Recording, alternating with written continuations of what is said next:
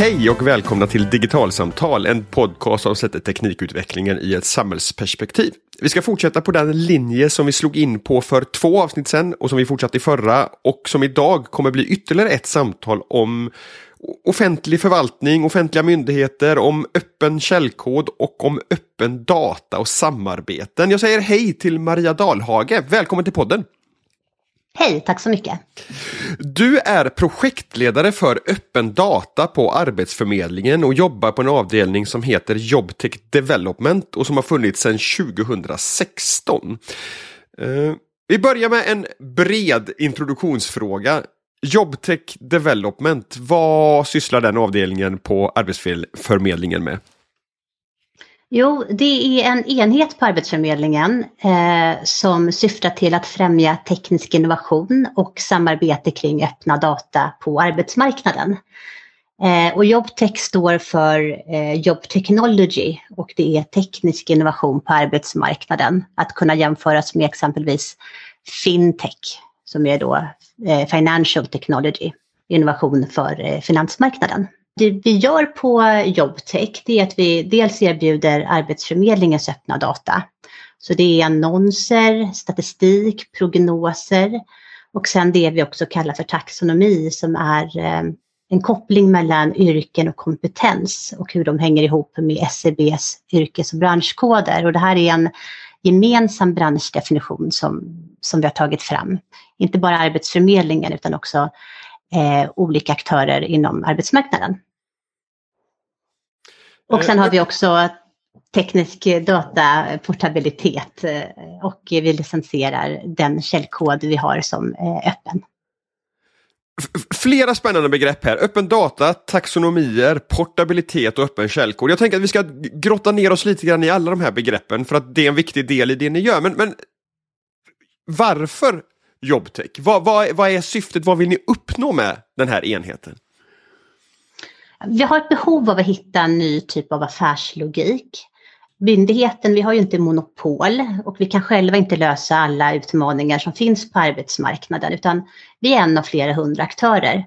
Och vi har därför svårt att få både den här överblicken och helhet oavsett om vi pratar matchning, vägledning eller livslångt lärande. Eh, och våra kunder de behöver då navigera mellan olika plattformar. Så kan vi hitta ett nytt sätt att samarbeta över olika plattformar där kunden är i fokus och där data och teknik är det som skapar de här nya samarbetsformerna. Det är syftet med vår verksamhet. Och, och då, då, låter det som att, att, tekniken här ska hjälpa till med åtminstone två saker. Dels att göra det lättare för arbetsmarknadens parter att, att hitta varandra, att en arbetsgivare och en arbetstagare ska, ska kunna, kunna få, en, få en match. Men också ur ett, ur ett myndighetsperspektiv, att ni ska, för du, för du nämner statistik och annat här, att, att ni ska få en, en helhetsbild av den svensk, svenska arbetsmarknaden och, och, och, vad som händer på den. Är det liksom de, de två nyttorna som, som ni vill komma åt med hjälp av den här teknikutvecklingen? Ja, eh, dels så handlar det om att vi som myndighet ska kunna fullfölja vårt uppdrag och då vet vi att vi behöver hjälp av även privata aktörer och även andra myndigheter. Eh, dels så vet vi ju att branschen har gemensamma problem. Det är svårt, inte bara för oss att få en överblick utan även för andra. Eh, det är jobbigt att behöva skriva in sin CV på olika ställen. Det är det är jobbigt att behöva ta sig mellan de olika plattformarna. Så kan vi hitta en teknik som möjliggör det här så är det en win-win för alla parter. Ja, okej. Okay. Uh... Eh, men då, då, då, hoppar vi tillbaka till de här liksom, tekniska begreppen som, som hjälper er, som, som beskriver det, som, som hjälper er att, att lösa det här. Om vi börjar med öppen data. Vad, vad är öppen data för någonting för, för, för er i det här sammanhanget? Eh, öppen data för oss är ju data som vi som myndighet kan tillgängliggöra till allmänheten. Eh, och ett av kriterierna är att det ska vara ja, kostnadsfritt. Det ska inte krävas något särskilt. Och vi jobbar ju med öppna data, dels för att främja innovation, eh, men dels också för att nå en hållbar förvaltning. Mm, Okej, okay. så, så det handlar om att information som som skapas eller finns hos Arbetsförmedlingen ska göras tillgänglig för, för parter på utsidan Arbetsförmedlingen och där kunna användas så som de, de aktörerna tycker liksom så här, att, att de kan dra nytta av den informationen, den datan som ni tillgängliggör. Ja, precis.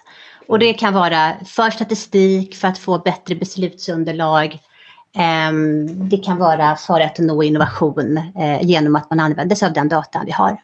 Mm. Kan, kan, du ge några konkreta exempel på vad det är för någonting? Plats, platsannonser tar jag på något sätt för givet att, att är en del i det här. Men, men eh, har jag rätt i det och vad finns det mer? Eh, platsannonser är det absolut. Eh, vi har också statistik, vi har prognosdata. Eh, och sen har ju vi det vi kallar för taxonomin, de här gemensamma eh, branschdefinitionerna med kopplingen yrken och kompetens. Okej, okay, så, att, så att tax, taxonomin, om vi glider över åt det hållet, där, eh, det, det, det, det begreppet då, det, det handlar om att, att vad då? Att, att sätta ett gemensamt språk för hur man pratar om innehåll i en platsannons till exempel. Vad, vad, vad ett visst yrke innebär, vad en viss kompetens är och så vidare. Eller, eller miss, missförstår jag begreppet taxonomi då? Nej, men det är precis helt rätt. Eh, du har inte alls missförstått, utan det är precis det vi gör. Ehm, eh, behöv, man kan ju kalla olika alltså yrken, om man tittar på projektledare så är det ju en jätteskillnad om det är en projektledare som jobbar inom media och exempelvis eh, tv eller om det är någon som är teknisk projektledare eller om det handlar om eh, en projektledare inom bygg.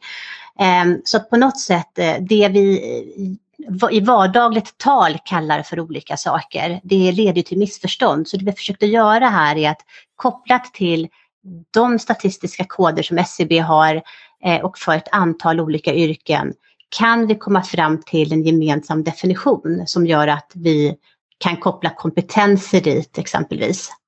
Ehm, och det här gör ju det lättare när man ska skriva en, en ja, platsannons för man vet vad man ska efterfråga för typ av kompetens. Det gör det lättare om man tittar på det vi kallar för det livslånga lärandet när det handlar om att eh, kunna veta vilka aktörer som finns, vilka utbildningar som finns och också kopplat till vad krävs för att kunna ta ett visst typ av jobb. Just det. Så att på något sätt handlar det att, att definiera en taxonomi är liksom ett arbete för att, för att jobba bort de otydligheterna som finns i mänskligt språk så att datorerna faktiskt ska kunna prata klartext med varandra på något sätt. Ja, precis. Varför blir det viktigt att göra det jobbet när man ska börja jobba med de digitala verktygen? Vad, vad händer om man fortsätter låta de här otydligheterna som finns i det mänskliga språket finnas kvar när man digitaliserar platsannonserna?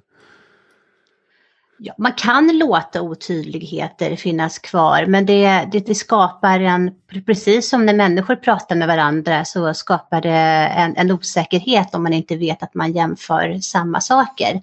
Det blir svårigheter när man tittar på statistik. Ehm, det blir svårigheter när man ska försöka jämföra saker och ting med varandra. Ehm, när vi pratar om eh, taxonomin så har ju vi en redaktion, det är ett antal personer som kommer överens om de här typen av kopplingar. Men vi jobbar ju också väldigt mycket med AI och här så tittar vi på våra platsannonser och ser vad är det för yrken som man eh, skriver om i en platsannons. Och sen i platsannonsen, vad är det för typ av kompetens som efterfrågas? Så här har ju vi en annan logik också, så vi har två olika logiker för att kunna titta på kopplingar mellan yrken och kompetenser. En som är AI-driven eh, och alltså ja, datadriven och en som är baserad på mer kvalitativt arbete. Just det. Men då, då blir jag nyfiken på den AI-specifika delen här. In, innebär det att, att ni utvecklar teknik som, som till exempel kan, kan tolka innehållet i en mänskligt formulerad platsannons och sen matcha in den platsannonsen i den här taxonomin? Att förstå att ja, men det, här, det, det här är en projektledare inom ett tekniskt yrke och det här... Mm. Um, det, det, är precis det vi gör. Um, vi har uh, vi jobbar väldigt mycket med textanalys eh, på, på Jobtech. Eh, och det här är ju ett sätt att hantera eh, att det finns olika format, eh, att vi inte jobbar med eh, strukturerade data.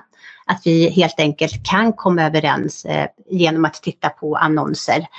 Ehm, vi har en tjänst som heter Job Ad Enrichment när vi helt enkelt eh, har eh, jobbat ett antal år med att koppla ihop eh, yrken, orter, eh, med mera i en annons. Så när vi får en ostrukturerad text, vilket en annonstext är, så kan man se vilka yrken som finns, vilka kompetenser som finns och vilka orter som finns kopplat till det här. Och det här gör vi som en modul eh, och ett komplement till till egentligen öppna data. För öppna data och en annons, det är ju ostrukturerad text. Det är ganska svårt att förstå den om, för, för ett system. Eh, men genom att vi till, tillgängliggör även de här modulerna som API så ökar det möjligheten att förstå vår öppna data. Just det. Men, men det innebär att om, om man tänker sig här liksom ett, ett användarperspektiv, den, den, den kunden hos er som är på jakt efter ett, ett nytt jobb, så innebär det att, att ni med hjälp av den här, de här språkmodellerna kan, kan kan tagga upp annonserna och märka dem med, med metadata som kopplat till de här taxonomierna som gör det lättare för mig att, att hitta de där projektledarjobben i Vänersborg där jag bor som, som faktiskt matchar mina förmågor och kompetenser så att jag inte får ett projektledarjobb men som inte på något sätt rör det som jag kan och ett jobb som jag skulle vara intresserad av eller aktuell att få om jag sökte det. Ja, eh, och det här ser vi ju, den här typen av söklogik har vi ju idag i Platsbanken. Eh, mm. Och det är ju någonting som vi tillgängliggör via vårt sök-API. Eh, vi har också sett att eh, mm. i ett samarbete vi har med privata aktörer eh, kring ett projekt som vi kallar för ekosystem för annonser så samlar vi in och tillgängliggör privata aktörers annonslänkar men bara en URL säger ju inte så mycket, så då har ju vi på baksidan gjort ganska mycket arbete. Vi har samlat in hela annonsen, vi har berikat annonsen eh, med yrken, ort och datum och kompetens. Och sen så möjliggör vi eh, sökningar och filtrering med mera av URLen. Så exempelvis om det är ett projektledarjobb i Flen och det kommer från en monsterannons. Så även om det bara är själva URLen vi har så kommer vi kunna hitta den här annonsen. Just det. Uh, det, det, här ekosystem för annonser, det, det, var, det är ett, ett uh, projekt, en lösning som ni lanserade för ja, här tidigt 2021, om jag förstått det rätt. Vad, vad handlar det om? I, i, kan du beskriva projektet? Mm. Eh, ekosystem för annonser påbörjades förra året, för ganska, ja, ganska exakt ett år sedan. Okay. Eh, och då var det, eh, det är fortfarande ett antal aktörer som Blocket, eh, Carrier Builder, Jobbdirekt, Monster, nu fick jag inte glömma någon, Netjobs, mm. Offentliga Jobb, One Partner Group och Student Jobs eh, som deltar just nu i det här, det vi kallar för pilotprojekt. Och syftet med att samlas är just att kan vi privata aktörer och offentliga aktörer samarbeta kring annonser för att få bättre statistik, eh, någonting som vi alla har behov av, och också en bättre användarupplevelse för våra kunder. För ett problem idag det är ju att man behöver gå in på så många olika plattformar för att hitta själva annonsen innan du kan börja söka jobbet. Så skulle vi kunna samarbeta kring det här på ett bra sätt. Eh, och ett sätt som också eh, respekterar de privata eh, aktörernas affärsmodeller. Ehm, och det har vi då lyckats med i det här eh, vi kallar för ekosystem för annonser, där den första leveransen är ett nytt datasätt, eh, annonslänkar. Och med hjälp av det datasättet så får vi då bättre statistik för att vi får inte bara plats, eh, Platsbankens annonser utan 30% ytterligare annonser. Eh, det leder sedan i sin tur till bättre beslutsunderlag eh, och det är mycket lättare för den som är arbetssökande som då kan klicka på länkar och på det sättet komma till de olika plattformarna utan att behöva eh, gå in per plattform och försöka se vilka annonser som finns. Just det, så, så för, för, den arbetssökande så, så blir det en, en det, det, blir som någon slags Google för, för platsannonser på den svenska arbetsmarknaden och sen så klickar man sig vidare och hamnar på, den, på det stället där den annonsen som jag är intresserad av är publicerad. Mm. Precis så. Du sa att i ett sånt här samarbete så är det viktigt att, att ta tillvara de privata aktörernas affärsmodeller också. Hur, hur, hur stärks eller hur gynnas en, en privat aktörs eh, som Monster exempelvis? Hur, hur, hur gynnas deras affärsmodeller utav ett, ett samarbete utav det här slaget? Ja, eh, för det första så, är, så vill jag börja med att säga att de privata aktörerna är väldigt positiva till att samarbeta för att man befinner man sig inom en viss bransch så vill man ju göra det bästa inom den här branschen. Så att eh, utgångsläget är att man vill vara med, men man vill inte förlora på det. Eh, och om vi tittar på hur vi jobbar i det här projektet med eh, annonslänkar så tidigare så har vi samlat in hela annonser och tillgängliggjort hela annonserna. Mm. Men vissa aktörer får ju betalt för antingen klick eller så får de eh, betalt när de får trafik till sin hemsida. Ehm, och då har vi kommit fram till att för oss så räcker det faktiskt att kunna visa upp annonslänkar så länge vi kan berika den med det som gör att den går att söka på och filtrera. Vi kan fortfarande få en tillrättavisande statistik och vi kan fortfarande guida sökanden till alla jobb. Ehm, så det är en viktig, eh, ett viktigt sätt och det är det vi kallar för back to source, att vi helt enkelt för tillbaka trafiken till den plattform som vi har fått datan ifrån. Får jag bara stoppa där, så det innebär att ni visar på, på, på eran plattform Uh, så, så ser man inte hela annonsen med, med, uh, med en länk till arbetsgivaren och så vidare utan det blir en länk vidare till den plattformen där annonsen faktiskt finns. Så att det blir ett samlat sök men sen måste man ta sig vidare till de olika plattformarna för att hitta den faktiska annonsen. Ja, precis. Och, och, och därmed så blir det här också ett sätt för de privata aktörerna att, att gynnas i ett sånt här samarbete för att, för att ni genererar trafik till de annonserna som, som finns publicerade på deras respektive plattformar. Ja, precis. Just det. Eh, men framförallt så är det som så att eh, genom tekniken så minskar vi också trösklarna för att kunna samarbeta med oss. För det ska inte kosta någonting att samarbeta med Arbetsförmedlingen. Och tittar vi på det här med att samla in annonser. Antingen så har du redan ett API som man kan ge till oss som vi gör att vi får tillgång till annonserna. Ehm, eller så måste du utveckla någonting och den här utvecklingskostnaden det är också väldigt kostsamt och mindre aktörer har inte de musklerna. Så det vi har eh, gjort för att kunna samarbeta med aktörerna det är att vi erbjuder ja, skrapning som en tjänst. Mm. Helt enkelt att vi tankar ner annonserna eh, och vi har en handskakning mellan eh, annonsplattformen oss själva. Men att det helt enkelt kräver minimal av eh, utveckling för deras del. Alltså de behöver inte göra någonting. Och det är samma logik som vi tänker kring när vi pratar om hur hanterar vi det här med att det finns olika format på datan. Det är också någonting vi, vi, vi tittar på, att vi jobbar med ostrukturerad data, vi använder oss av eh, textanalys och på det sättet så strukturerar vi upp datan i efterhand.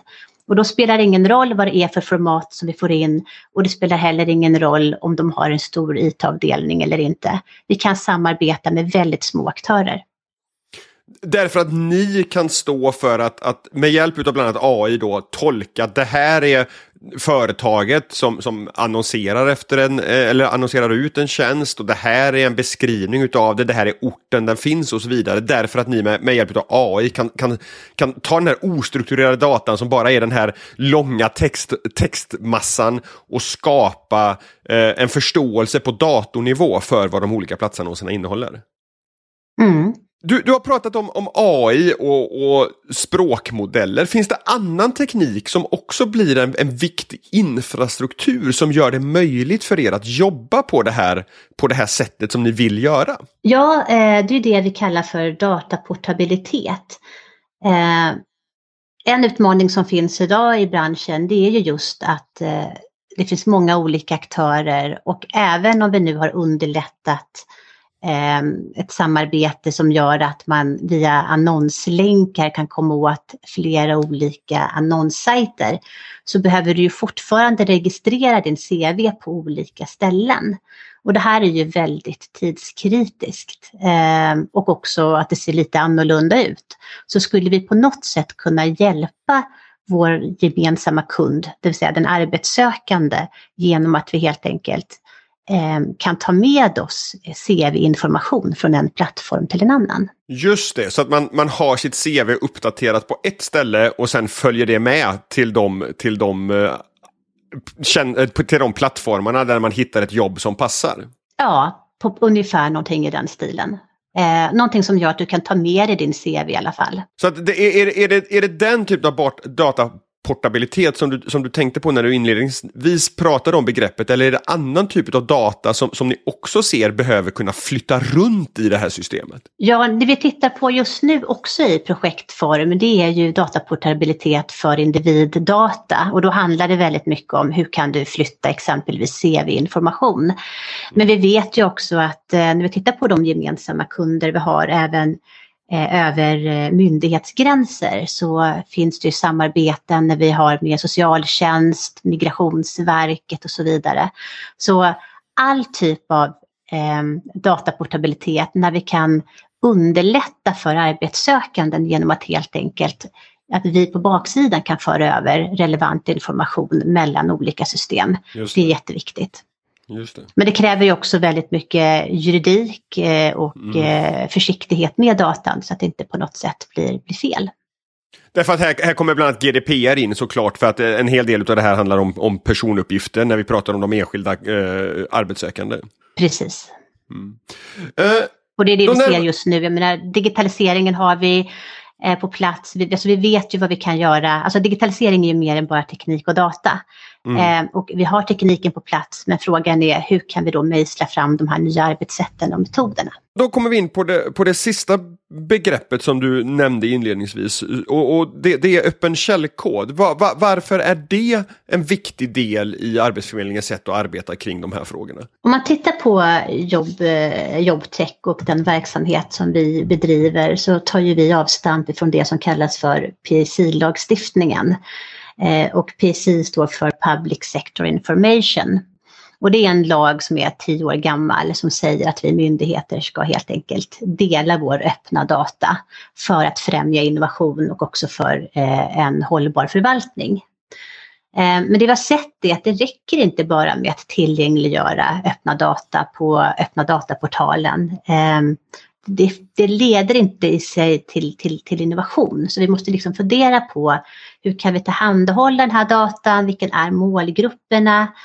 Eh, och sen har vi också konstaterat att det räcker inte bara att tillhandahålla de här öppna datan. Det krävs att vi jobbar smartare kring tekniken. För idag så finns det väldigt mycket inlåsningseffekter kopplat till datan och kopplat till teknik. Ehm, och hela tiden så uppfinner vi hjulet på nytt istället för att påbörja eller ta vid där någon annan slutat när det kommer till utveckling. Ehm, så, så får börjar vi helt enkelt om. Och det är ju ganska kostnadskrävande. Så därför så delar vi med oss. Vi tror att det är viktigt att kunna ge tillbaka eh, öppen källkod till skattebetalarna. De har redan betalat för det här en gång och framförallt så borde de också kunna få nyttja den teknik som vi använder. Det innebär att vi kan egentligen se det här som två olika spår. Där öppen data är en slags råvara som ni tillhandahåller men där verktyg i form av öppen källkodsutveckling är någonting som gör det möjligt för andra att också jobba med den här råvaran och båda de här delarna menar ni är, är, är viktiga i en mer öppen offentlig förvaltning? Absolut, du eh, uttrycker det väldigt väl där. Ehm, att kunna dela data är en jättebra sak, eh, men kan vi också dela på, på tekniken så kommer det gå mycket fortare att utveckla och det kommer också förmodligen bli mycket, mycket bättre och billigare. Och, och, som en del i, i det så har Arbetsförmedlingen tagit initiativ till ett, till ett nätverk som heter NOSAD, Network Open Source and Data. Vad, vad är NOSAD för någonting? NOSAD är ett myndighetsnätverk Um, och det är till för de myndigheter, offentlig sektor, det kan vara kommuner också, um, för de personer som jobbar uh, med öppna data och som vill fundera kring strategier och mer hållbart tänk även kring då öppen källkod. Um, vi har funnits sedan i september uh, och då började PRV med en digital workshop om öppna datalicenser. Eh, det är ungefär 200-300 deltagare i det här nätverket och det brukar vara ungefär 50 till 80 personer per workshop. Och det vi gör i det här NOSAD-nätverket är att vi eh, håller digitala workshops. Det brukar vi göra eh, första tisdagen varje månad. Och vi alternerar mellan eh, ämnen som handlar om öppna data och ämnen som handlar om öppen källkod. Vidare har vi också ett diskussionsforum kopplat till det här så att man kan ställa frågor till nätverket och även diskutera, fortsätta diskussionen utanför de här workshopsen. Och sen har vi också en sida där man kan eh, dela med sig av sin kunskap eh, kring öppna data eh, och källkod. Och det kan vara forskningsrapporter, det kan vara vägledningar, det kan vara checklister och just just nu så tittar vi på tillsammans att ta fram en katalog för öppna källkodsprojekt inom offentlig sektor för att underlätta vid nyanskaffning och även eh, ifall man vill börja titta på vad andra redan har gjort så att man kan eh, börja jobba mer med öppen källkod. Lite grann som det finns en, en dataportal.se som, som är en katalog med den öppna data som finns så vill ni ta fram någonting liknande för, för det här andra spåret som vi pratade om, den, den faktiska öppna programkoden. Ja, det är lite så. Eh, och det är till och med som så att eh, communityn som finns i öppna dataportalen, det är den som är vårt diskussionsforum. Mm. Ehm, så vi försöker inte skapa någonting nytt utan det handlar väldigt mycket om vad kan vi med eh, befintliga medel faktiskt eh, eh, göra, lyckas med och, och göra tillsammans. Och det är lite samma idé med NOSAD som det är med dina poddar. Det handlar liksom om att kunna tillgängliggöra intressanta mm. diskussioner. Det som annars bara når ett fåtal öron till, till en större grupp av människor som också har ett intresse av att kunna ta del av det här vad sa du, 200-300 deltagare och, eller, i, i diskussionerna och 75-80 per, per workshop. För mig låter det som ett ganska stort intresse. Det är ett jättestort intresse och uh, det vi märker är att det är till och med lite mer intresse för öppen källkod än för öppna data. Vad tror du att det beror på? Jag tror att det beror på att när det kommer till öppna data så är det någonting som vi har haft lag, lagstadgat under väldigt lång tid. Eh, vi vet att vi ska jobba med det eh, och vi vet också hur egentligen, även om det kan vara svårt. Eh, när det kommer till öppen källkod så finns det fortfarande väldigt mycket myter kring det hela, vad man får och inte får göra, eh, kopplat till IT-säkerhet, kopplat till juridik. Ehm, jag tror också att det är som så att man börjar förstå att det räcker inte att bara samarbeta kring öppna data. Vi måste ta det ett steg längre om vi vill lyckas med digitaliseringen och om vi vill lyckas med innovation. Om du utifrån både erfarenheterna som ni har gjort på Arbetsförmedlingen med det arbetet och, och de diskussionerna som du ser i det här eh, forumet NOSAD. Hur, om, om du avslutningsvis skulle få spå lite om framtiden, hur tror du att utvecklingen inom, inom öppen data, öppen källkod och, och offentlig förvaltning kommer se ut i Sverige under de kommande åren? Ehm, ja, det är ju på väg en ny öppen datalagstiftning. Ehm, så jag är ju väldigt positiv. Jag tror ju att inom, inom loppet av två år så kommer det tillgängliggöras betydligt mer öppna datan idag. Ehm, många myndigheter tillgängliggör redan data men i och med att den här eh, för vissa parter ehm, ja, det, den kostar pengar helt enkelt, mm. så kan inte privata aktörer jobba lika mycket med den datan. så vi kommer få nya typer av tjänster i framtiden. Vi kommer få ett mycket bättre samarbete och vi kommer säkert också kunna sänka de kostnader vi har inom offentlig sektor. Så jag är väldigt positiv till det här. Vad härligt att höra. Eh, Maria, stort tack för att du delade med dig av en inblick i hur Arbetsförmedlingen jobbar med öppen data och öppen källkod. Tack så mycket. Och till er som har lyssnat, vi hörs igen om 14 dagar. Hej!